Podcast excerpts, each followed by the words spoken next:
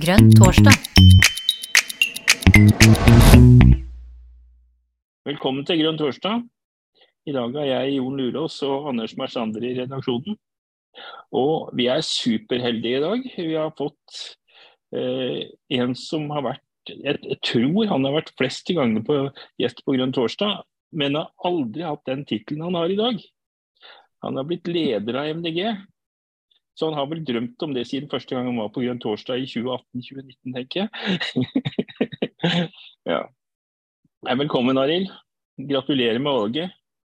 Eh, det var vel litt uh, mindre margin enn du hadde håpa på, tenker jeg. Ja, tusen takk. Det, ja, det er jo eh, det var, det var, veldig spennende, jeg må si det. Og det var en god, en god og fair konkurranse. Og så har jo jeg hatt veldig mange titler som har lignet på å være leder. Både talsperson og fungerende og konstituert og jeg vet ikke hva. Men uh, nå er det altså permanent. Så det er jo selvfølgelig um, Det føles veldig bra, men det føles jo også som et uh, stort ansvar for et uh, svært, svært parti som har veldig store ambisjoner. Så det, uh, det gleder jeg meg til, rett og slett. Det er jo hyggelig å høre da, at du sier et svært, svært parti. Det, det, er ikke alle som ser på oss på den måten, selvfølgelig. Ja. Um, men på antall men, medlemmer, Anders, på antall medlemmer så er vi jo Det er mange av disse partiene som, som er større enn oss, som har mindre medlemmer. Stemmer ikke det, Anders? Nei, um, Arild? Jo. Mm. Ja, altså Jeg er ikke sikker på, på, hvilken plass vi er, men vi har uh, ca. 12 000 medlemmer. Um, og det er dobbelt så mange som Venstre, partiet Venstre. Mm. Eh, og eh, vi har jo 350 folkevalgte. og vi har òg fryktelig mange folk som sitter i posisjon. Eh, vi har en rekke varaordførere, vi har en ordfører og masse byråder og folk som og, og det tror jeg også som partileder så er jeg veldig ydmyk for at prøve å få oversikten over all det, alt det fantastiske arbeidet som gjøres i partiet, det, Eh, er en stor jobb. Eh, og det jeg skal jo heller ikke inn i alle detaljene, men det å ha respekt og ydmykhet overfor eh, alt det som gjøres av frivillighet i partiet, det, dette er egentlig noe som Jeg har jobbet med frivillig virksomhet i 25 år. Men det å oppdage hvor mye frivillighet som drives i et politisk parti som MDG, det var egentlig helt sjokkerende. Altså hvor utrolig mange timer folk legger ned i å stå på stand, koke kaffe, lese sakspapirer, eh, sitte i nominasjonskomiteer, valgkomiteer, sitte i styrer, det er, det er, helt formidabelt. Jeg tror veldig mange i Norge ikke er klar over det. Det er også en av grunnene til at jeg må understreke at dette er et veldig veldig svært parti med mye som skjer. Mm. mm. Jeg lurer på hvor mye, mye, mye, tid jeg egentlig bruker når jeg begynte å tenke på når du sa det sånn. Nei, det, det finnes jo ikke noe liv utenfor MDG, gjør det, Anders? Jo da, jeg, både du og jeg har tid til å gå og plukke sopp, men eh, det er nå en helt annen sak. Eh, men eh, for å komme litt seriøst, da, Jon var jo litt inne på det med at det var veldig veldig nære. og Vi har jo lest i hva heter det, kommentariatet. De har, de har iallfall da i diverse medier gitt deg et syltynt mandat, som, de kall, som jeg så at jeg tror det var VG, men det var en av dem i hvert fall som brukte det begrepet. Eh, det er fritt fram på å kommentere det, selvfølgelig. Det, det, er nå du har anledningen. Ja, altså Det første jeg må si, er jo tusen takk for tilliten til eh, hele partiet. Og tusen takk til alle de som har stemt både på meg og til Kristoffer. Fordi eh, det er jo eh, partidemokrati i praksis, og demokrati er utrolig bra. Det, det er jo eh, Og man vet jo det at én stemme kan avgjøre ganske mye her i verden. og nå vippet det i min favør, men det var to gode kandidater. Og det tror jeg um, prosessen viste, og diskusjonen både før og etter og underveis har jo også vist det at det, var en, det var en, konstruktiv stemning i rommet, uh, og det var to gode kandidater som kjempet hele veien inn. Og det tenker jeg at er, er viktig, så jeg takker også Kristoffer Robin for den uh, jobben, fordi det har jo også gjort uh, et par ting som jeg mener partiet har lært da, som er bra. Uh, det ene er at det er lov å kjempe om samme verv, eh, og samtidig være gode venner. og eh, holde god stemning i laget. Det tror jeg er liksom Det er ingen selvfølge at det er sånn, og politikken er jo mer brutal enn liksom arbeidslivet, fordi at man eh, man både skal jobbe tett sammen, og så skal man konkurrere om den samme plassen. Eh, og det tror jeg det, det gjelder jo ikke bare i toppen, men det gjelder jo på alle mulige nivåer i partiet. Så det er veldig bra. Det syns jeg er en ting vi har lært. Og så eh, har vi også lært at lokallag og fylkeslag har vært ute og ment ting i offentligheten. Det tror jeg også er veldig sunt for partidemokratiet. Eh, og der har det jo også vært sånn at det er noen sånn, en stemmes overvekt i den ene eller andre retningen. Da tar man stilling. Og det tror jeg også er sunt for partidemokratiet vårt. At partiet eh, nasjonalt og lokalt tar stilling til hvilke kandidater man ønsker seg. Så det er det lover bra for eh, fremtidige valg. Eh, og så tenker jeg også at vi på den positive siden så har partiet fortsatt med nominasjonsprosesser, programprosesser. Eh, vi har vedtatt valgkampstrategi, folk har gått på husbesøk. altså Det har vært gjort veldig mye. Vi har hatt grønn stafett. Så alt det har vi jo klart å holde gående, samtidig som vi da har hatt en uavklart ledersituasjon i egentlig siden Egentlig er nesten sånn i praksis i et halvt år med, fra, fra, august til, til, nå. Og det er jeg også veldig stolt av, at partiet har liksom ikke gått inn i en sånn her eh, psykose hvor alle har sittet og lurt på hva som skal skje nå. Eh, det er jeg veldig fornøyd med. Eh, og så har ikke vi gått frem spesielt mye på målingene, men vi har heller ikke gått tilbake igjen. Altså, vi, er, vi, er, der vi selvfølgelig ikke liker å være, på sånn 3,9 men, men det er også et godt utgangspunkt. Vi vet at det er mye velgere som er i bevegelse i Norge. Vi vet at det er store muligheter. Så det handler også, tror jeg, mye om å rett og slett få bygd eh, Sette mål og få tydeliggjort prosjektet vårt og få god stemning i partiet. Så tror jeg at det eh, er bare masse muligheter. Og så jeg føler også at vi står mer eh, samlet som parti etter denne prosessen.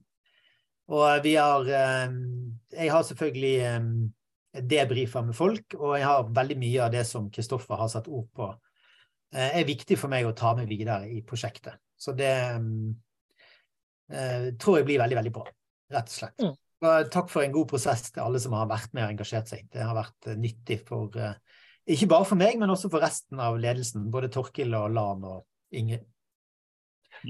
Ja. Og så har ikke vi hatt sentralstyremøte ennå, men det skal vi ha i neste uke. Og da tenker jeg også at vi kommer til å, å snakke om dette, og på en måte hvordan sentralstyret kan um, ta, inn, ja, ta, med seg de tingene som vi har fått av tilbakemeldinger fra organisasjonen i denne prosessen. Eh, vi skal ikke dvele for mye ved selve, selve det ekstraordinære årsmøtet, men det er én ting. Det var jo en ekstremt jevn avgjørelse. Og akkurat når dette resultatet kom opp på skjermen, så tok jeg meg den frihet å ta bilde av de som var på min skjerm da. da. Og eh, Eh, med eh, jeg, så, jeg så ikke Arild der, men eh, Karina Ødegaard, som da også er i redaksjonen i MDG, hun dukka opp. og Jeg skal se hvordan dette ser ut hvis jeg deler akkurat bildet av henne. og, og oh det var jo flere der som da også var helt ja, det, var, det, var, det, var, det, var, ikke den, den avstemninga vi hadde forestilt oss. ja. Jeg skal ikke henge ut Karina, men det, var liksom, det, det ble et veldig Det viste hvor jevnt det var. Jeg tror, jeg tror, nok at du også var i nærheten av et eller annet sånn, Arild. Det var helt usannsynlig. Mm. Ja, nei, det var en, en liten digresjon. Mm, men det var, det var morsomt. Ja, nei, jeg tenker jo det, altså Selve spørsmålet til Anders da, Som kommentatorer skal man jo alltid ta med en klype salt, for de ønsker liksom alltid å lage den type, uh, den type fortellinger. Uh, jeg tror at vi har alle muligheter til å vise at vi ikke er et splittet parti. At vi hadde to gode kandidater og som langt på vei er enige med mye politisk og hvilken retning organisasjonen skal gå. Uh, så um, det er jo på en måte glemt når, når dette begynner å virke, og vi ser at vi Eh, får med oss eh, både Kristoffer og selvfølgelig mange av hans støttespillere og liksom på å bygge partiet videre. Det er jo veldig, det er et ansvar som jeg føler at jeg eh, skal ta på alvor, at vi klarer å få det til. Men jeg opplever i år veldig stor støtte fra organisasjonen, med folk som sier at ja, vi stemte på Kristoffer, men vi heier veldig på det som skjer nå. Og Kristoffer har jo også vært veldig forbilledlig på den måten med å si at dette her er Um, han er med videre, og han gir alt. og Dette handler om prosjektet. og som han sa til meg i dag, Det er jo to måter for han å vinne på. Det ene er jo å få makten sjøl, men det andre er jo også å påvirke partiets retning med hans ideer og sånt. og det jeg føler meg veldig inspirert, og det er lettere nå for meg å på en måte ta inn over meg noe av det han har sagt underveis, enn det var når vi sto midt oppi den, uh, den konkurransesituasjonen. Så det er jo litt sånn, sånn er jo dynamikken i sånne saker. Ja. Uh, jeg, før vi fortsetter samtalen her, så tror jeg får uh, minne om at Arild har ikke noen lang innledning her i dag. Her er det fritt fram for alle som er til stede, å bruke raise hand-funksjonen som dere finner under reactions eh, i menyen nederst på skjermen, hvis dere har PC i hvert fall. Og rekk opp hånda, og så får dere anledning til å stille spørsmål eller kommentere eller et eller annet sånt noe. Så, men inntil noen gjør det, så fortsetter vi smalltalk, vi altså. Det er ikke noe problem, mm. det. Tror du vi kommer til å merke noe endring, Arild? Blir det noe endring nå? Utover det at vi faktisk da har en uh, leder, og det er en stund til neste ledervalg. Ja, du, har, du, har, du, har, valgt nå til um, sommeren, eller våren 2024, ikke sant? Ja. ja. Mm. Nei, altså jeg tror jo um, Det som har skjedd siden august, er jo selvfølgelig at vi i ledelsen har gjort ganske mye. Vi har vært litt redusert fordi at vi um, skulle vært to nestledere, men vi har jo bare vært én. med Ingrid som nestleder og meg som konstituert leder. Um, I tillegg til Torkil. Uh, vi har jo gjort en god del ting. Også, jeg mener jo at vi har uh, F.eks. valgkampstrategien har vi jobbet frem. Den har uh, tatt opp i seg mye av det som evalueringen fant ut. Uh, og vi har uh, f.eks. gjort mye på Stortinget for å omstrukturere litt på en rigg som var laget for at UNE skulle være både parlamentarisk leder og partileder. Uh, og vi har jo um, også jobbet mye med å endre kommunikasjonen vår, fordi at vi um, har jo tatt inn over hos valgkampevalueringen og at det ble for spist og for ensaksparti. Eh, så noe har vi jo allerede gjort. Og så oppfatter jeg at for det første så tar det lang tid før man ser eh, før man ser resultatet av den type endringer som tar litt sånn tid å implementere, og ikke minst at folk det skal så lite til for å bekrefte et feil image, mens det tar mye lengre tid å innarbeide et nytt. Så det er jo den ene biten av det. Den andre er jo at jeg, jeg, tror, jeg, tror, at vi skal gjøre mer. Jeg tror at vi har mer å gå på når det kommer til endringer. Og særlig for min del så handler det mye om å få frem den gode, grønne visjonen. At det må tydeliggjøres. At eh, det samfunnet vi vil ha, det er et samfunn som veldig mange andre vil ha. Som handler om trygge lokalsamfunn og som handler om uh, rene fjorder, uh, intakt natur. Um, stor grad av tillit mellom folk. Altså et, et, samfunn som vi ser nå er i ferd med en måte å glippe litt for oss. Du kan si at for, for ti år siden så kunne du si at De Grønne sitt prosjekt var å ta vare på et veldig godt samfunn, som selvfølgelig ikke var perfekt, men som likevel man skal ta vare på gjennom å ta vare på naturen. Men nå ser jo de som er unge i dag, at det er veldig mange ting som faktisk går i revers. Demokratisering går i revers globalt. Vi ser det også i Norge med større motsetninger. Tilliten er brutt. Mange sliter med psykisk helse. sånn at det er, det er jo et samfunn som uh, vi vil Vi drømmer om et bedre samfunn sammen. Da. Så det er en viktig ting, tror jeg. Og så er jo dette med løsningsbasert kommunikasjon, som er helt åpenbart at vi skal bli flinkere på. Eh, jeg tenker òg vi skal være enda flinkere til å få frem dette at vi er et blokkuavhengig parti, og at vi eh, skal ha mer selvtillit på den grønne retningen som vi har. Eh, det tror jeg er superviktig. Ehm, så er jo dette som jeg er opptatt av, er dette med å bygge lag. At vi skal Altså Én ting er at vi ønsker å komme i regjering, eller vi, vi ruster oss til et, å bli et regjeringsparti. Det handler ikke så mye om at vi skal i regjering, men det handler om hvordan vi ruster oss som felles parti. da hvordan vi skal klare å bygge et lag hvor vi hjelper hverandre, og hvor vi støtter hverandre og er støttende. Og dette er jo ting som langtidsstrategien har vært tydelig på, men som jeg tenker at vi skal um, at vi rett og slett skal videreutvikle og um, bygge mye mer tillit mellom folk. da. Og Der tror jeg òg at vi som partiledelse har en del å lære i forhold til intern kommunikasjon. Hvordan klarer vi å lytte og få tilbakemeldinger på den kursen vi har? Hvordan klarer vi å forankre beslutninger bedre? det er noe vi har holdt på med ganske lenge, men som fremdeles jeg føler at vi ikke er gode nok på.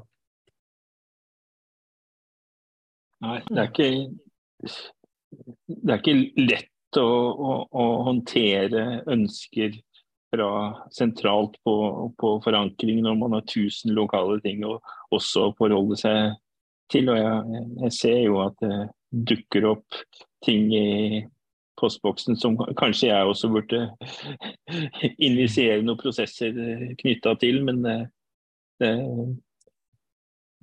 det er, hvordan skal vi få det til? Vi er jo for få folk i alle ledd, holdt jeg på å si. Men, jeg, men sånn sett fra min side så syns jeg i hvert fall vi har vært mer frampå i media nå enn jeg har registrert tidligere. Og det håper jeg jo at vi greier også videre, da.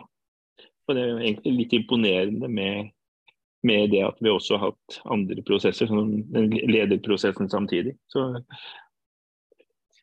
ja, jeg har lyst til, å si, lyst, lyst til å si en siste ting, da. Hvis vi jeg syns jo Kristoffer har en veldig fin fempunktsliste. Jeg må innrømme at jeg er inspirert av den òg. Eh, det er ikke helt det er nok ikke, Vi bruker ikke helt de samme ordene om ting, men jeg tror et siste punkt som uh, vi har snakket mye om etter valget, det er å bredde seg ut. Altså hvordan gjør vi det? Mm. og det um, Jeg tror jo at vi har gjort en god del allerede.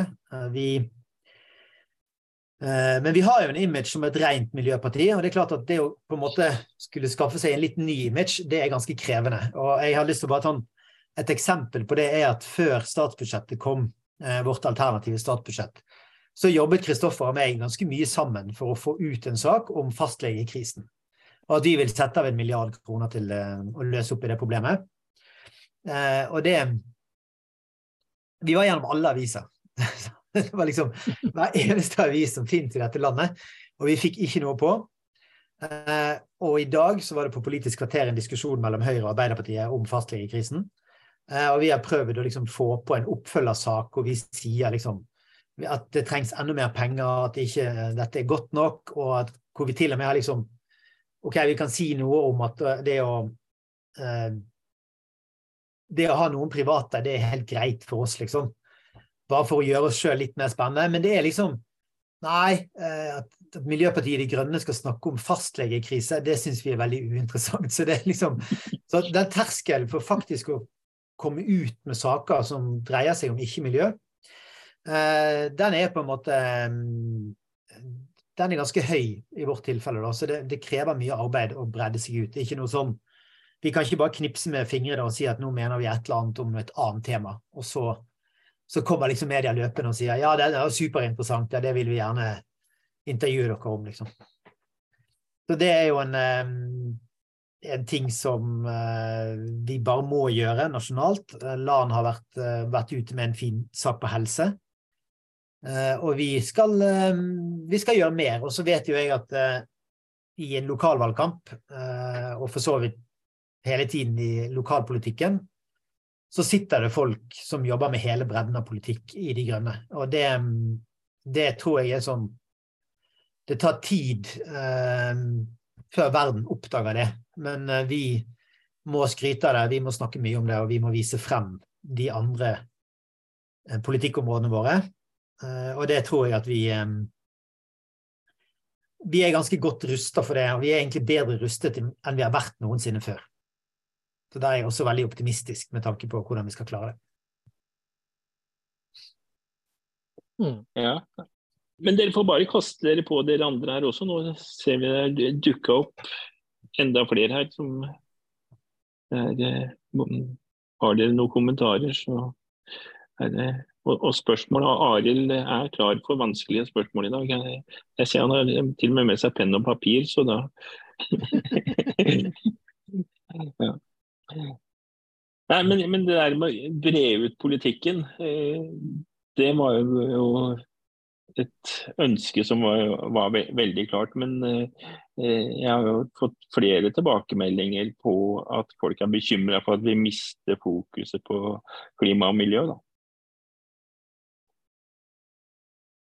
Ja. Er det noe du også har hørt, eller?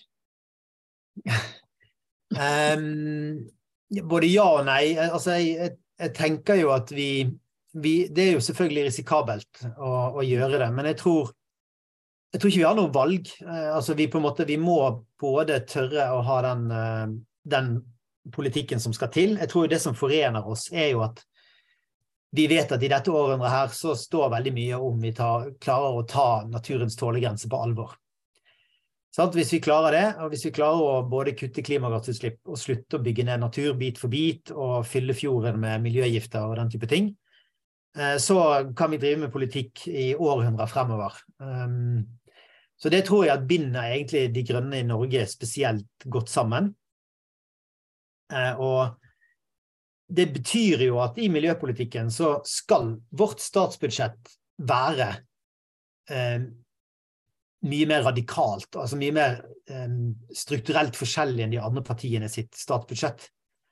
Fordi at Vi er nødt til å vise, altså vi kan jo ikke si at vi, ja, vi kan godt forhandle litt med atmosfæren om hvor mye CO2 vi kan slippe opp i atmosfæren, eller forhandle litt med naturen om hvor mye myr vi kan bygge ned osv. Det tror jeg at vi um, Det å være um, å ha den politikken, det tror jeg at alle er enige om. Og så er vi litt uenige om liksom Altså det er noen i partiet som vil at vi skal være ganske kompromissløse og knallharde hele tiden, mens det er andre som vil at vi skal være snillere og ha en bedre kommunikasjon. Og den, den spenningen tror vi alltid kommer til å leve med. Eh, men det som også forener oss der, er at så lenge vi snakker om løsninger, så er alle liksom Da er det god stemning. Altså hvis vi får frem hva er det vi vil, istedenfor hva vi ikke vil, så tror jeg også det er bra på miljøområdet.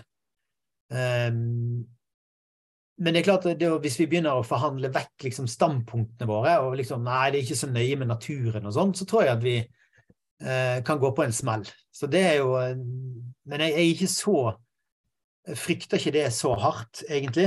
Eh, men når vi da brer oss ut, så vil det ta lengre tid. Altså hvis, hvis vi på en måte skal måle oss, da vi diskuterer hvordan vi skal måle om vi har lykkes med å bre ut partiet, og Da kan vi jo telle oppslag. på en måte. Hvor mange handler om miljø, hvor mange handler om helse, hvor mange handler om skole, hvor mange handler om sosial fordeling, ruspolitikk f.eks. Eh, og da tror jeg at for hvert eneste oppslag vi får um, på helse f.eks., sammenlignet med miljø, så må vi jobbe ca. fem ganger så hardt. Fordi at vi har for lite avtrykk på forhånd. Så det er en, og Den diskusjonen tror jeg er veldig viktig å ha. At vi, eh, at vi jobber langs de aksene som gjør at vi ehm, Det vil alltid være mye lettere for oss å rope ulv, og så får vi et oppslag, enn det å rope fastlegekrise. Så det, det, tror jeg er en, eh, en sånn strukturell ting som vi godt bør snakke om internt i partiet også, hvordan vi skal løse det. Da har vi en som har lyst til å si noe her, og det er Benedicte Lund. og Hun er ganske nyvalgt Eh, toppkandidat for eh, MDG i det som sannsynligvis blir Østfold fylke igjen. Vi får se.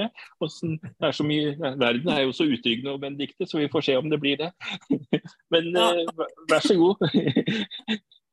Akkurat det tror jeg er blant de tingene vi kan være sikre på at det blir nye Østfold. Det er vi ikke i tvil om. Eh, jeg kom inn litt seint i møtet, men jeg har lyst til å ønske Arild eh, gratulerer. og Dette her blir veldig spennende. og Jeg kom inn i en fase hvor dere snakka veldig mye om nettopp dette her, hvordan, hvordan ta opp i, eh, i ledelsen nå det, det, det, beste fra alt som har framkommet i den valgkampen som vi har uh, hatt bak oss. Som vi har fulgt med interesse, noen og enhver.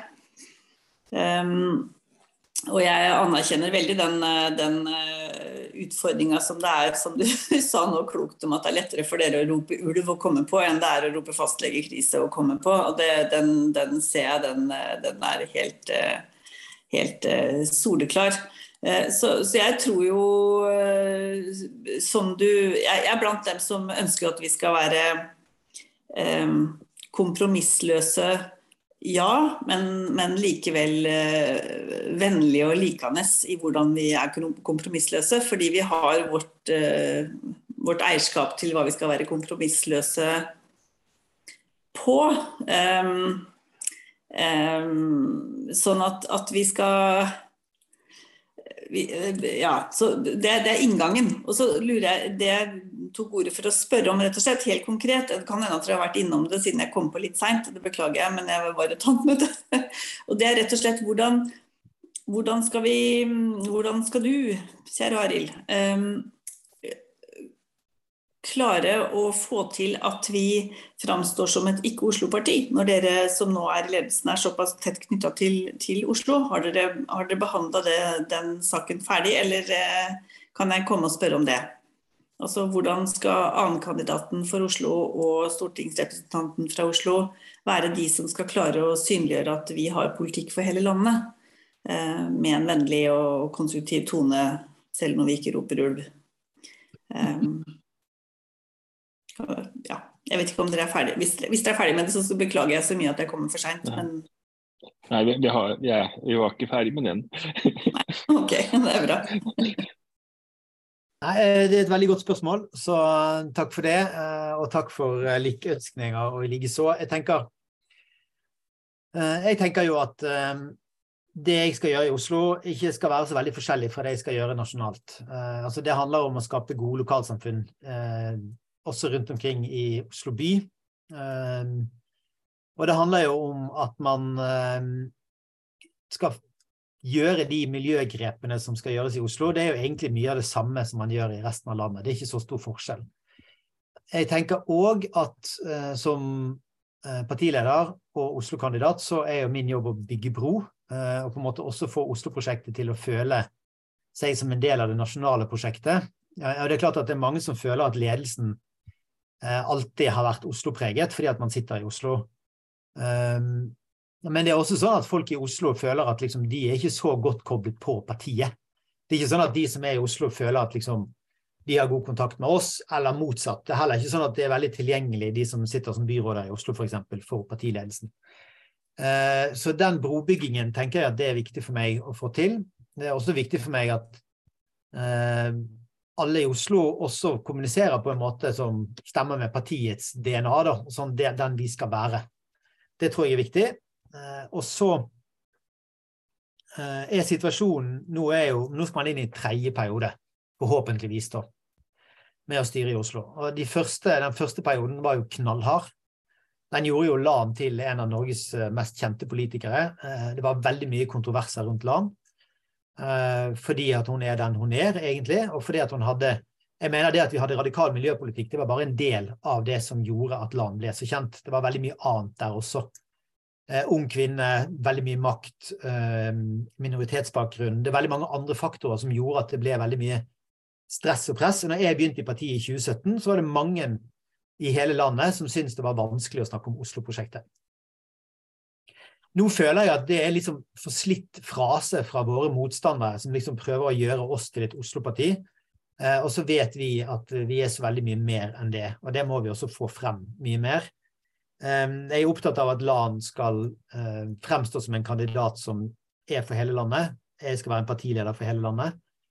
Eh, den reisingen vi har gjort i høst, har vært ganske, det har vært ganske mye. Sjøl har jeg vært veldig mange steder. Eh, og jeg har ikke tenkt eh, Grønn stafett var begynnelsen på en sånn prosess. Personlig så gleder jeg meg til uh, nye runder, og jeg tenker at kanskje vi skal bli enda mer på sånn ja, Vi kaller det sånn grønn signingsferd, men kanskje vi skal kalle det en grønn løsningsferd, eller et eller annet, hvor vi drar eh, og, og, rett og slett snakker om våre løsninger. At lokalpolitikere kommer og forteller om det, at vi sammen får frem de grønne løsningene som vi har for hele landet. Om det er Groruddalen, eller om det er i um, Trøndelag, eller om det er i Nord-Norge, eller om det er Østfold, så tenker jeg at det er liksom den jobben vi skal gjøre overalt, da. Så um, ja, det tror jeg er Det er um, det er en fordel å ha ledelsen i Oslo. Det tror jeg at vi, vi har erfaringer med. for Da er man på en måte tettere på hverandre. At man eh, at det er der man bor, men jeg tror det er veldig viktig at alle som er med i ledelsen av partiet, tenker på hele landet i det de holder på med hele tiden. Mm. Kan jeg få stille et kort oppfølgingsspørsmål før jeg, før jeg slipper ordet helt? Er det OK, Jon? Ja. Gjør på, du. Ja, så bra. Nei, for, for, for jeg, jeg, tror jo som du sier at at politikken bak å bygge et lokalsamfunn i, på Grünerløkka eller uh, i Vardø, det er ganske likt. For der, det er, mm, og politikken er vi jo veldig enige om. Men det, det, jeg tror kanskje blir en utfordring, eller som vi må være oppmerksom på, er jo at um, alle de som opplever seg som perifer i forhold til Oslo, eh, tenker ikke at løsningene som er blitt lansert eller publisert eller fremma eh, som MDG-løsninger i Oslo, er noe som passer hos dem. Så den, den, følelsen av hva er det som funker i Oslo, eh, at det ikke funker hos oss, selv om vi vet at det gjør det, fordi det handler om nærhet til alle de nære tingene og de gode møteplassene og de gode eh, altså nærheten til naturverdier, selv om det er midt på asfalttorget osv. Det vet vi. Men de som skal høre på politikken vår, de vet ikke det at det som funker i Oslo, funker hos dem. Så ha, ha med det når man skal ut på tur, på turné. Og håper du kommer vår vei også.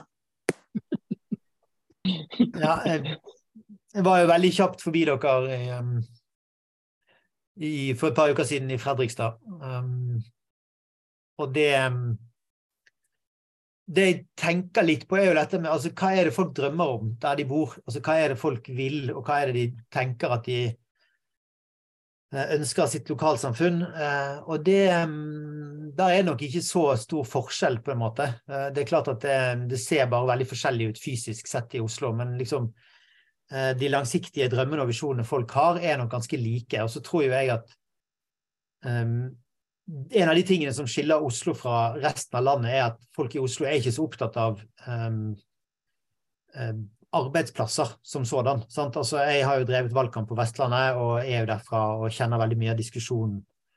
Uh, og der er jo det med grønne jobber og det å ha arbeidsplass og ikke minst utdanningstilbud, det er veldig, det, er veldig forskjellig. Og det tror jeg at uh, det er et viktig argument for meg på hvorfor vi også skal holde næringslivsfanen vår høyt og, og, fortelle folk at vi har den beste planen for omstilling av Norge. Eh, og det tror jeg liksom, det angår veldig få mennesker som bor på Grünerløkka, på en måte. For der har man en litt annen type eh, tilgang til jobber. Selv om veldig mange grønne, spennende jobber er i Oslo, så er liksom tilbudet av arbeidsplasser så stort at der kan man på en måte finne ting. Mens eh, hvis du bor på Lindås eller og jobber på Mongstad utenfor Bergen, så er du liksom der er det 3000 ansatte som alle sammen er avhengig av at oljenæringen skal fortsette. Så det tror jeg at det er det, det, Dette handler jo også veldig mye om 2025-valget, som er selvfølgelig det neste som kommer. og det er liksom hvilken, Hvordan vi skal snakke om oljenæringen og hvordan vi skal snakke om de næringene. Det tror jeg det kommer til å bli en utrolig viktig diskusjon, Benedikte, som jeg eh, gleder meg til at uh, vi skal ta mer grundig enn vi kanskje har gjort før. da. Mm, bra. Da har vi en til som har rukket opp handa her.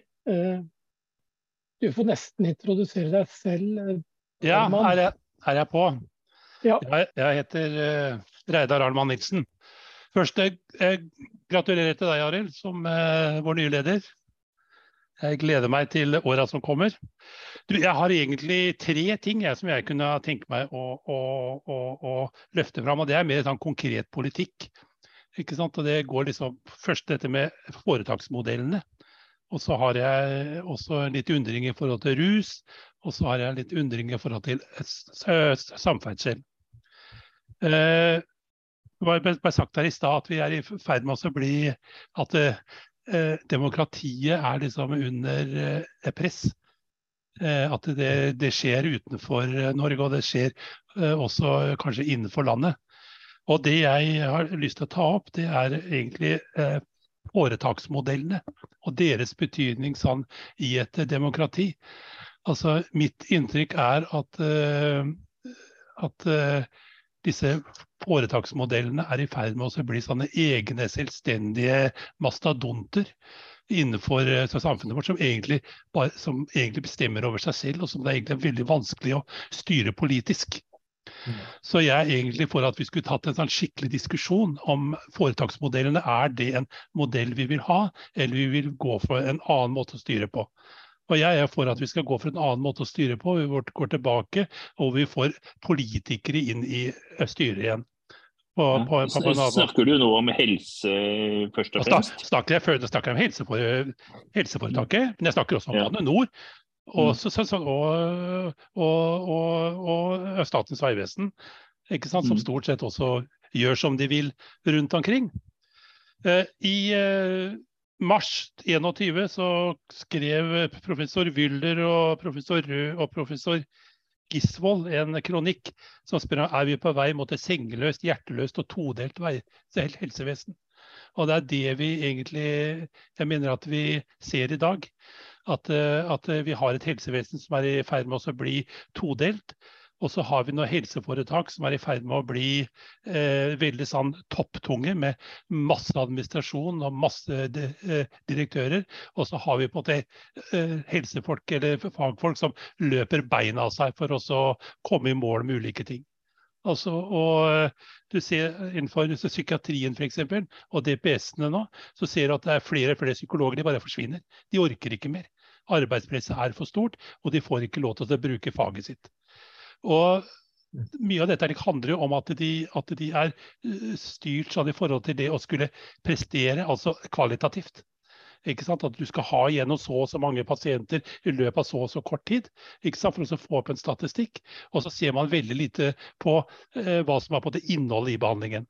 Og dette er det veldig mange folk som ikke orker å være med på lenger. Så det er liksom én ting, da. Så jeg tenker at det å liksom diskutere foretaksmodellen av hvordan vi organiserer Skal det være styrt av økonomi, eller skal det være styrt av fag? Det, det syns jeg hadde vært en veldig god, eh, god sak for MDG å ta opp. Eh, det er én ting jeg tenker på. Og så tenker jeg på rus. Og Arild, jeg er helt enig med deg når det gjelder dette med også å, å, å, å få en mer sånn legalisering når det, gjelder, eh, når det, gjelder, cannabis. Det tror jeg på en måte liksom er veien å gå. Men samtidig så hadde jeg tenkt at det hadde vært veldig bra om vi hadde også kjørt fram behovet for å, å legalisere medisinsk cannabis. Det er, det, er, det er, legalisert i dag, men men det er sånn at, at de folka som bruker eh, medisinsk cannabis istedenfor opiater, altså og morfinlignende ting som man blir avhengig av, og som er helt legalt, og som lege skriver ut en masse. Folk som vil ha eh, medisinsk cannabis, og som har bedre utbytte av det, mange av de er, har dårlig råd. Eh, og, og, de kan få en resept, men de må gå enten reise da, til, til, Danmark eller til eh, Nederland, eller eh, kjøpe Sativix, som er et middel her i, eh, her i landet. Ikke sant? Men da må de betale 4000-5000 kroner for det. Ikke sant? Der går det omtrent halve uføretrygda for mange. Jeg tenker at det, akkurat dette med medisinsk cannabis, det ville jeg ha løfta fram løfter ham eh, ganske tidlig for å diskutere cannabinoider opp mot morfinpreparater. Ikke sant? Det er veldig mange mennesker som blir avhengig og som dør av disse legale, legale medisinene. Så det å løfte opp medisinsk cannabis og virkelig eh, stå opp for det og argumentere for det, det tror jeg hadde vært veldig lurt. Og så er det samferdsel. Og der er jeg egentlig skuffa. Fordi at uh, i, i, Østfold så har vi vært en gjeng som har jobba ganske hardt for å få på plass en uh, jernbane mellom uh, Oslo og Gøteborg. Gøteborg, eller jernbanen og, til Gøteborg, det er, det, er, det er både porten til, Europa. Så jeg tenker at en av de store miljø- og klimatiltakene nå i dag, det var å få gods fra vei til bane. Og Hvis ikke du får på plass en forbindelse mellom Oslo og Gøteborg, så blir det umulig. Da vil vi bare legge forholdene til rette for enda mer veiutbygging her i landet. Nå går det 2500 lastebiler over Svinesund hver eneste dag, og de blir stadig flere og flere. Så jeg tenker at det, Hvis ikke vi står opp og virkelig argumenterer for betydningen av å få på plass en jernbane for gods- og høyhastighetstog, så tror jeg egentlig at vi skyter oss selv i foten i forhold til eh, klimasaken. Det er den vei, måten vi kan liksom få, få lastebilene vekk fra veien på. Og på en måte hindre, hindre på det veiutbygging. Og Der skulle jeg også ønske at vi der, der det på en savner jeg, Arild, at, at, at, MDG sentralt hadde stått litt mer opp for oss og så lytta mer til oss her nede i Østfold. Vi er litt irritert over det, og skjønner egentlig ikke hvorfor eh, ledelsen har vært så trege på det. Da. Sånn, det var mitt hjertesukk for i dag. Det var ikke snaut. Nei. Arild, da blir det din tur. Ja, takk, Reidar. Det var jo gode innspill. Um, til det første så um, jeg er veldig enig. Vi var, i, um, vi var en gjeng som var i Hamburg fra partiet. Både fra mm. Oslo, Bergen og Trondheim på en um, ja, på en uh, hva heter det, ja, studietur i sommer. Uh, I Hamburg så doblet jo De Grønne seg fra 12 til 24% i forrige valg. Mm. Uh, og en av de tingene de har gjort, er faktisk å ta tilbake igjen um, altså at byrådene som sitter med ansvar for ting, har ja. tatt f.eks. Energidistribusjonsselskapet, som var et sånt aksjeselskapaktig, sånn Stoltenbergsk eh, foretaksmodell-type ting. Ja, ja. Det har de tatt tilbake igjen i sitt eie. sånn at um, og, og, det som skjer, sant, er jo sånn Ta Argentum, da, det norske finansieringsselskapet. Da sitter altså en eller annen fyr og får 30 millioner i årslønn mm. med bonuser og sånn, og så sitter ministeren og folder sine hender, eller to av sine hender, heter det kanskje. Mm, ja. To av sine hender og sier sånn Ja, men dette har jeg gitt beskjed om til styret og sånn, men de hører ikke på meg. sant? Ja, så, ja, så det er en total sånn ansvarsfraskrivelse. Og i helseforetakene så vet vi jo alle sammen at eh, de som sitter der, det er jo eh, det er jo tidligere sentralbanksjefer og økonomer fra, fra Finansdepartementet som styrer den sjappa, stort sett. Eh, mm. Og der sitter også helseministeren litt sånn på sidelinjen og selvfølgelig følger litt med på det og sånn, men har i prinsippet flyttet ansvaret bort fra seg sjøl og over til mm. noen profesjonelle folk. Eh, mm. Og jeg, Det er jo ikke noe sånn at vi kan gjøre det over natten med alle selskapene, men det å ha en plan for at vi ønsker å ta tilbake igjen noe av den mm. politiske styringen fra en del av de selskapene, mm. eh, det tror jeg er en, helt riktig ting å gjøre, rett og slett. Å finne en um, og så er jo jeg også sånn uh, Helseutvalget, som du er jo er med i, mm. har vel snakket litt om helseforetaksmodell og hvordan vi er. Det, og det som, det som har vært vanskelig, er jo at vi eh, har ikke laget 'her er vår modell', sånn vil vi gjøre det. Så det er jo um, Det er vel kanskje det som gjør at vi ikke har vært tøft nok på i de sakene. Mm. Men i lokalpolitikken har man muligheten til å mm Eh, I hvert fall en del kommuner har veldig mange mm. altså, Det finnes en bakside her, da. Mm. Eh, kan jeg bare komme en, en liten kommentar der, Arild? Ja. Det vi har, vi har jo på en måte modellen i Skottland. Den uh, skotske modellen. ikke sant? De har organisert det annerledes. Og Det vet jeg at det både Birgitte Sterud og andre som har argumentert for at vi skal se litt mer på den. Så jeg tror at, vi, at det bare ved å se mot uh, Skottland, så kan vi uh, lære noe ganske fort, og ikke liksom gjøre hele jobben, jobben selv. Det, det, det, en, det, er en, mulighet. Mm. Ja, bra. Eh, det, det, som jeg tenkte med liksom de kommunale selskapene, er at det, det har jo vært et sånn tilløp til mm. nærmest litt korrupsjon når politikerne har sittet i de styrene til disse selskapene også. Mm. Hvor de i praksis um, Så selv om de på en måte har hatt en kommunal styreleder, og kommunen har vært inne der, så har det på en måte vært en slags sånn mm. uh, veldig sterk administrasjon som har bestemt altfor mye. da. Mm. F.eks. i tomteselskapene rundt forbi, hvor det har sittet folk mm. med veldig Det har sittet politikere i styret, men de har på en måte bare de har adoptert selskapet sin logikk istedenfor mm. at kommunens politikk har fått lov å mm. styre selskapene. Så, så man skal jo gjøre dette på en veldig sånn um, uh, ja, ansvarliggjørende måte. Da. Det er liksom ja. ikke noe hokus pokus i, i dette. Men jeg, jeg syns i hvert fall den retningen som du skisserer, er viktig. Og så mm. Skotsk modell uh, høres bra ut. Uh, så det bør vi absolutt se mer på. når det kommer til legalisering, så tror jeg det med Det er nok rette stedet å begynne. Mm. At, at, man tenker Og som du sier, det er jo Ja, det er lov i Norge, men det er vel bare ett eller to preparater man får tak i. Det kommet, no, kommet noen nye nå fra Danmark. Ja. Men, eh, ja, men, jeg vet ikke om de er kommet til apotekene ennå. Nei, sant, og Det betyr jo at andre land har en mye større variasjon og ja, flere muligheter. Og, eh, og, så er det jo òg ganske sjokkerende egentlig å gå inn i overdosestatistikken og se at veldig mm. mange av de som dør av overdoser i dag, de dør da av eh, foreskrevne medisiner altså, ja. som, som, leger har skrevet ut. Og, så det betyr jo at det er et eller annet uh, som ikke fungerer helt. Og vi er invitert til et seminar om uh, medisinsk cannabis i januar, som uh, vi kommer til å delta på. Så da, det tror jeg er en um, Det er jo et sted å begynne, istedenfor å gå for full uh, den fulle modellen. Men jeg tenker jo også sånn, det som skjedde i sommer, var jo at eh, Abid Raja kom ut, og det plutselig ble en debatt. og da mm. eh, tenkte jeg at ok, da er det MDG bør jo være ute her med vårt standpunkt, som er mm. det eneste riktige på lang sikt. Mm. Og apropos Hamburg, det vi traff jo også i Hamburg traff vi også en av de, de grønne som har stått på veldig lenge for legalisering. Mm. Og det er klart, når det skjer i Tyskland mm. i 2023, så kommer ikke det til å gå upåaktet hen her hjemme. Det, det, det, kommer til å forandre debatten veldig fort, og da er det jo også å se hvilke modeller er det man kan ha. Mm.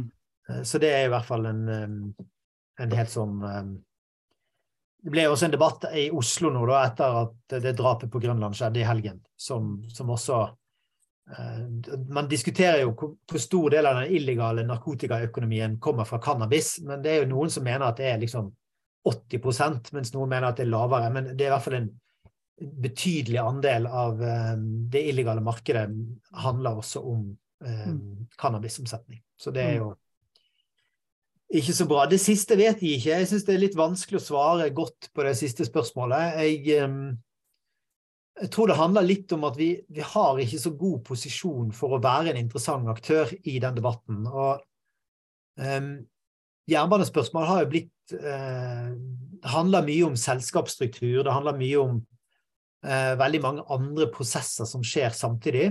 Og så handler det om kvikkleire i Moss, og det handler om enorme overskridelser. Mm. Eh, og mm.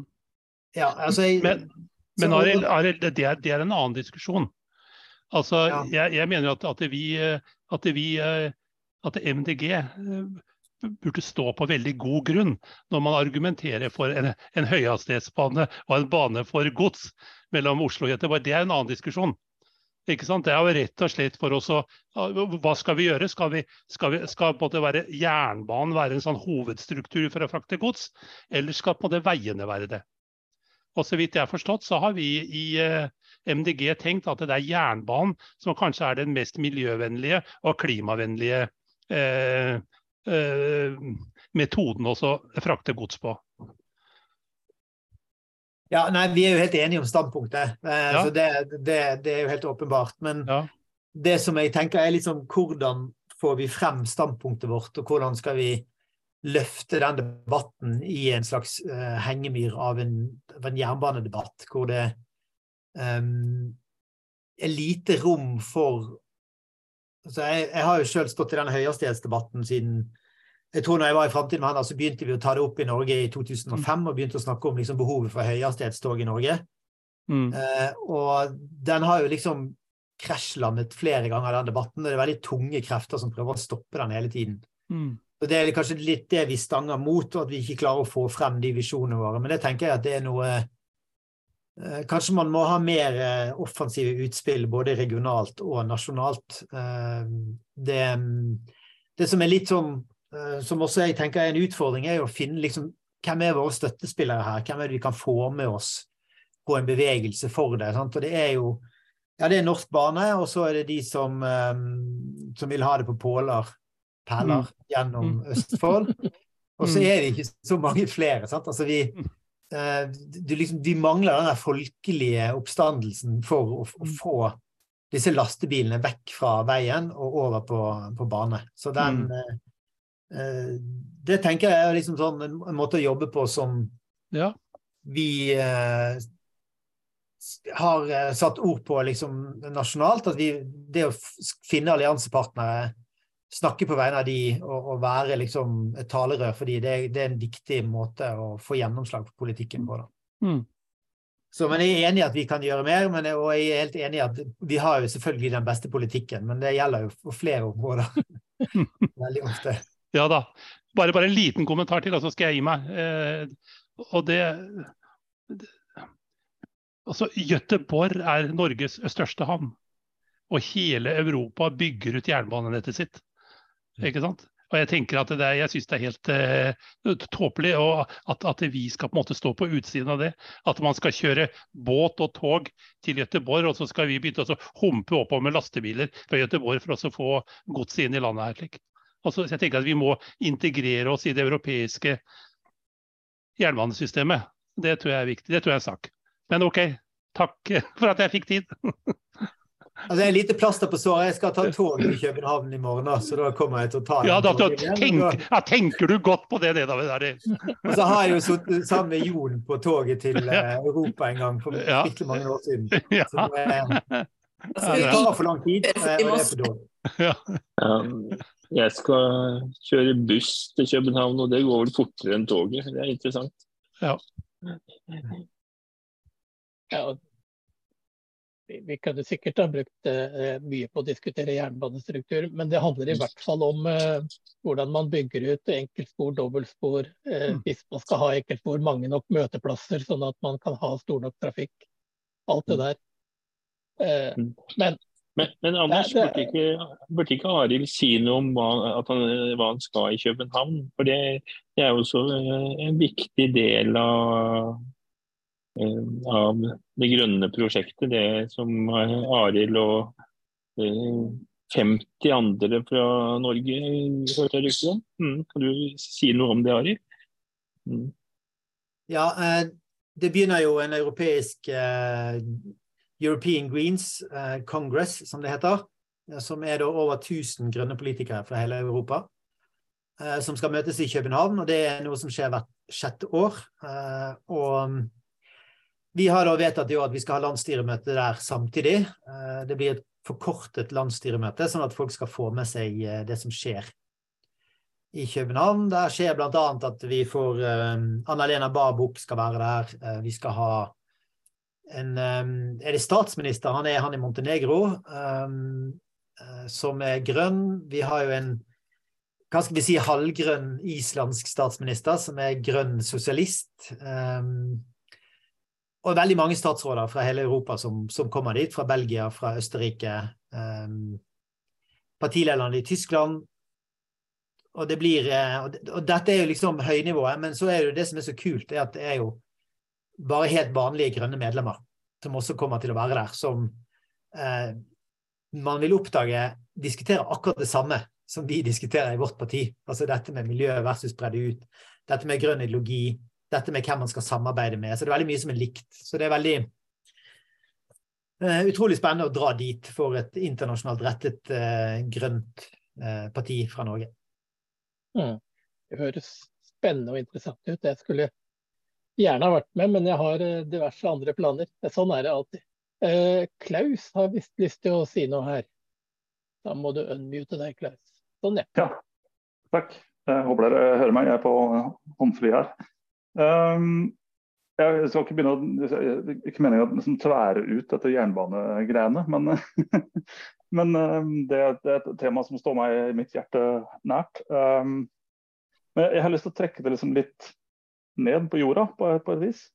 Fordi jeg, ehm, altså jeg er i den situasjonen at jeg bor i Midt-Telemark-området og jobber i Oslo. Som betyr at jeg pendler to til tre dager i uka, to timer med toget hver vei. Um, og dette er jo langdistansetog. Det betyr at det er uh, ofte ikke fulle tog, i hvert fall ikke de avgjørende jeg tar. og Det betyr at konduktørene har veldig god tid til å slå en prat. Og Da får man veldig mye god informasjon og god innsikt i hvordan jernbanesektoren fungerer, og kanskje enda mer hvordan den ikke fungerer. Um, og, og, noe av frustrasjonen fra de som jobber i jernbanesektoren, er i hvert fall at um, det snakkes, I den grad det snakkes om jernbane, så snakkes det om, som, som Are var inne på, uh, selskapsstrukturen. Og så snakkes det om de store prosjektene. Sant? Det snakkes om uh, ny Østfoldbane, og, det snakkes om uh, over Ringerike. og, det snakkes om genistreken mellom Vestfold og, og Vestfoldbanen og, og Sørlandsbanen. Det som det snakkes altfor lite om, er krysningsspor, signalanlegg, generelt vedlikeholdsetterslep. Som har gjort at godstransport på jernbane ikke er konkurransedyktig, for det er rett og slett for uforutsigbart. Det var nylig et ras uh, sør for Stavanger, eller sør for Sandnes, uh, som gjorde at uh, det ikke gikk tog inn til Stavanger langs Sørlandsbanen på to uker. Sånn, Det var godstog som ble ramma av et ras. Mm. Det er, det er banen, det er en strekning på Sørlandsbanen vest for Kristiansand hvor togene ikke kan kjøre mer enn 30 km i timen. Og Det er status på norsk jernbane i dag. Og, og, og, så jeg tror at, for at hvis, hvis, hvis, jernbane skal Og dette her er jo vidt meg bekjent ikke så veldig mange politiske partier som snakker om. Mm. Fordi alle sammen har veldig dårlig samvittighet for det vedlikeholdsetterslepet som har oppstått de siste 50 årene. Så, så, jeg mener vi må begynne der. Og det er sånn vi også får med oss sektoren. Og det er sånn vi får med oss pendlerne, som rammes av dette her hver eneste uke. At det er for dårlig infrastruktur. Um, og, det handler om infrastruktur, det handler om bevilgninger til togmateriell. Og det er egentlig helt uavhengig av selskapsstrukturen så har vi ikke nok materiell, og det materiellet vi har er for gammelt. Så, så, det er en del sånne underliggende strukturelle ting som ikke egentlig er, har, har med selskapsstruktur eller med, med, de store prosjektene å gjøre, men, men som er litt mer sånn lavthengende frukt, og som er der hvor skoen trykker hver dag. Eh, som vi jeg tror vi kan tjene mye på å fokusere på. Ja, Det var bare en kommentar egentlig til det med jernbane. Og for øvrig gratulerer, Arild, med med valget. Takk. Hjertelig. Ja, jeg, jeg tror jeg bare skal slutte meg til det. Men vi hadde jo en, uh, han som var leder i Oslo MDG tidligere, som heter Leif Ingholm. Uh, han hadde nøyaktig samme eh, perspektiv som det du har, da, på at dette her er Det er veldig mye man kan gjøre som ikke Det koster ikke skjorta. Så det, det man kunne håpet på når man lagde denne jernbanereformen for noen år siden, det var jo at man på en måte eh, fikk orden på ting. da, At man tenkte at ok, nå sant? Også, Jeg tror det var litt tankegangen, som, selv om vi ikke var for det, så var jo litt av det tankegangen til høyresiden var jo liksom at eh, ja, ok, det er så mye som ikke funker, så vi kan liksom dele det opp og tenke De gjorde det med tanke på at alt skulle outsourcet og den type ting. Eh, nå håper jo jeg at Nygaard klarer å lage en struktur ganske fort som gjør at man kan konsentrere seg om kjerneoppgaven særlig Bane Nor og spordrift og dette, for å nettopp få, gang, altså få, i gang de prosjektene og rulle de ut i en rekkefølge. Um, vi har òg diskutert det med liksom um, Burde man ha liksom nye linjer, altså noe som var litt mer effektivt, eller en slags organ som kunne få unna den og så identifisere de, alle de flaskehalsene, alle de problemene man har, og så lage en prioriteringsliste og så få de i gang, på en måte. For Det virker jo som systemet har eh, stanget hodet for lenge mot veggen og ikke klart å løse de eh, utfordringene som ligger der. Så det mm, Ja. Det tror jeg mm, Vi setter jo av penger til det, men vi har jo ulempen vår er at vi har ikke dyp nok kompetanse i akkurat hvordan man skal gjøre det. Så det er jo den, den tingen man skal gjøre. Ja, Det tror jeg det er en del å hente, altså. Eh, og, og altså, nå var jo ikke, nå, Kanskje jeg motsier meg litt selv litt nå, men, men, et sånn absurd utslag av den jernbanereformen er jo Hvis man ser på dette med materiell uh, Nå er det jo Go-Ahead jeg kjenner veldig godt til, for det er de jeg bruker hver dag. Um, men de leier jo sitt materiell av, av norske tog. Uh, det er det samme materiellet som kjørte på banen tidligere. Men de har kun akkurat så mange sett som det de trenger for å kjøre de avgangene de skal. Det betyr at hvis det skjer noe med ett av settene, så blir det kanselleringer og forsinkelser tvert. Så det er ekstremt lite fleksibelt kontra sånn som det var tidligere når vi kjørte alt sammen. Så kunne de ta et tog fra Dovrebanen og sette inn på Sørlandsbanen uh, for å også fikse toget i mellomtida, og så gikk alt som, som det skulle. ikke sant? Um, Det er den ene siden av det. Og det andre er at når da Go-Ahead leier tog av norske tog, som eier dem, så skal de da leie vedlikeholdstjenester av et tredjeselskap. Men deler til togene skal Go-Ahead ha sjøl. Og de togsettene er ikke i produksjonen lenger. Den produsenten som lager togene, eksisterer ikke. Så det er nesten ikke mulig å oppdrive deler. Og vi satt på et stort dellager som de fortsatt sitter på, som Go-Ahead ikke har tilgang til.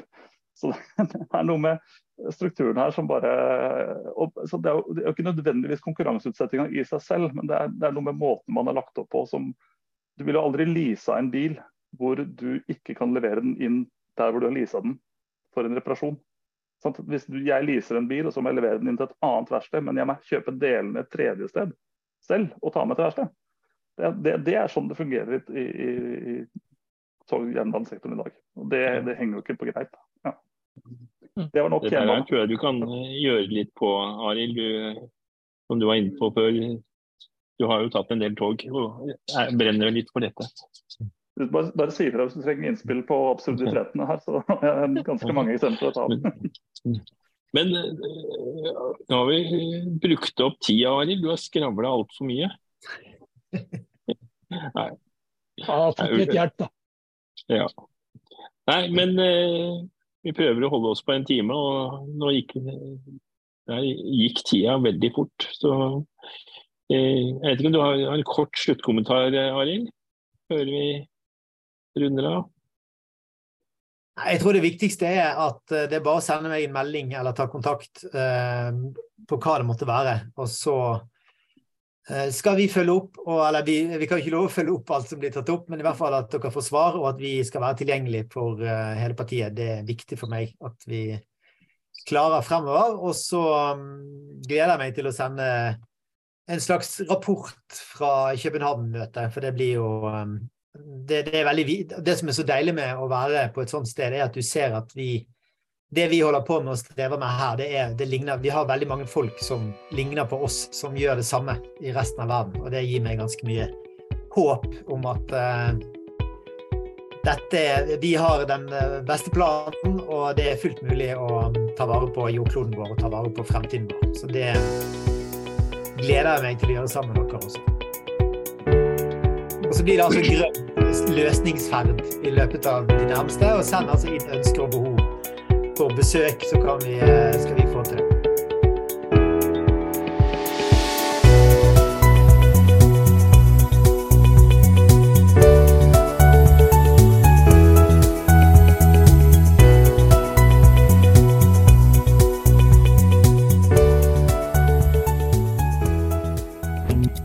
Grønn torsdag.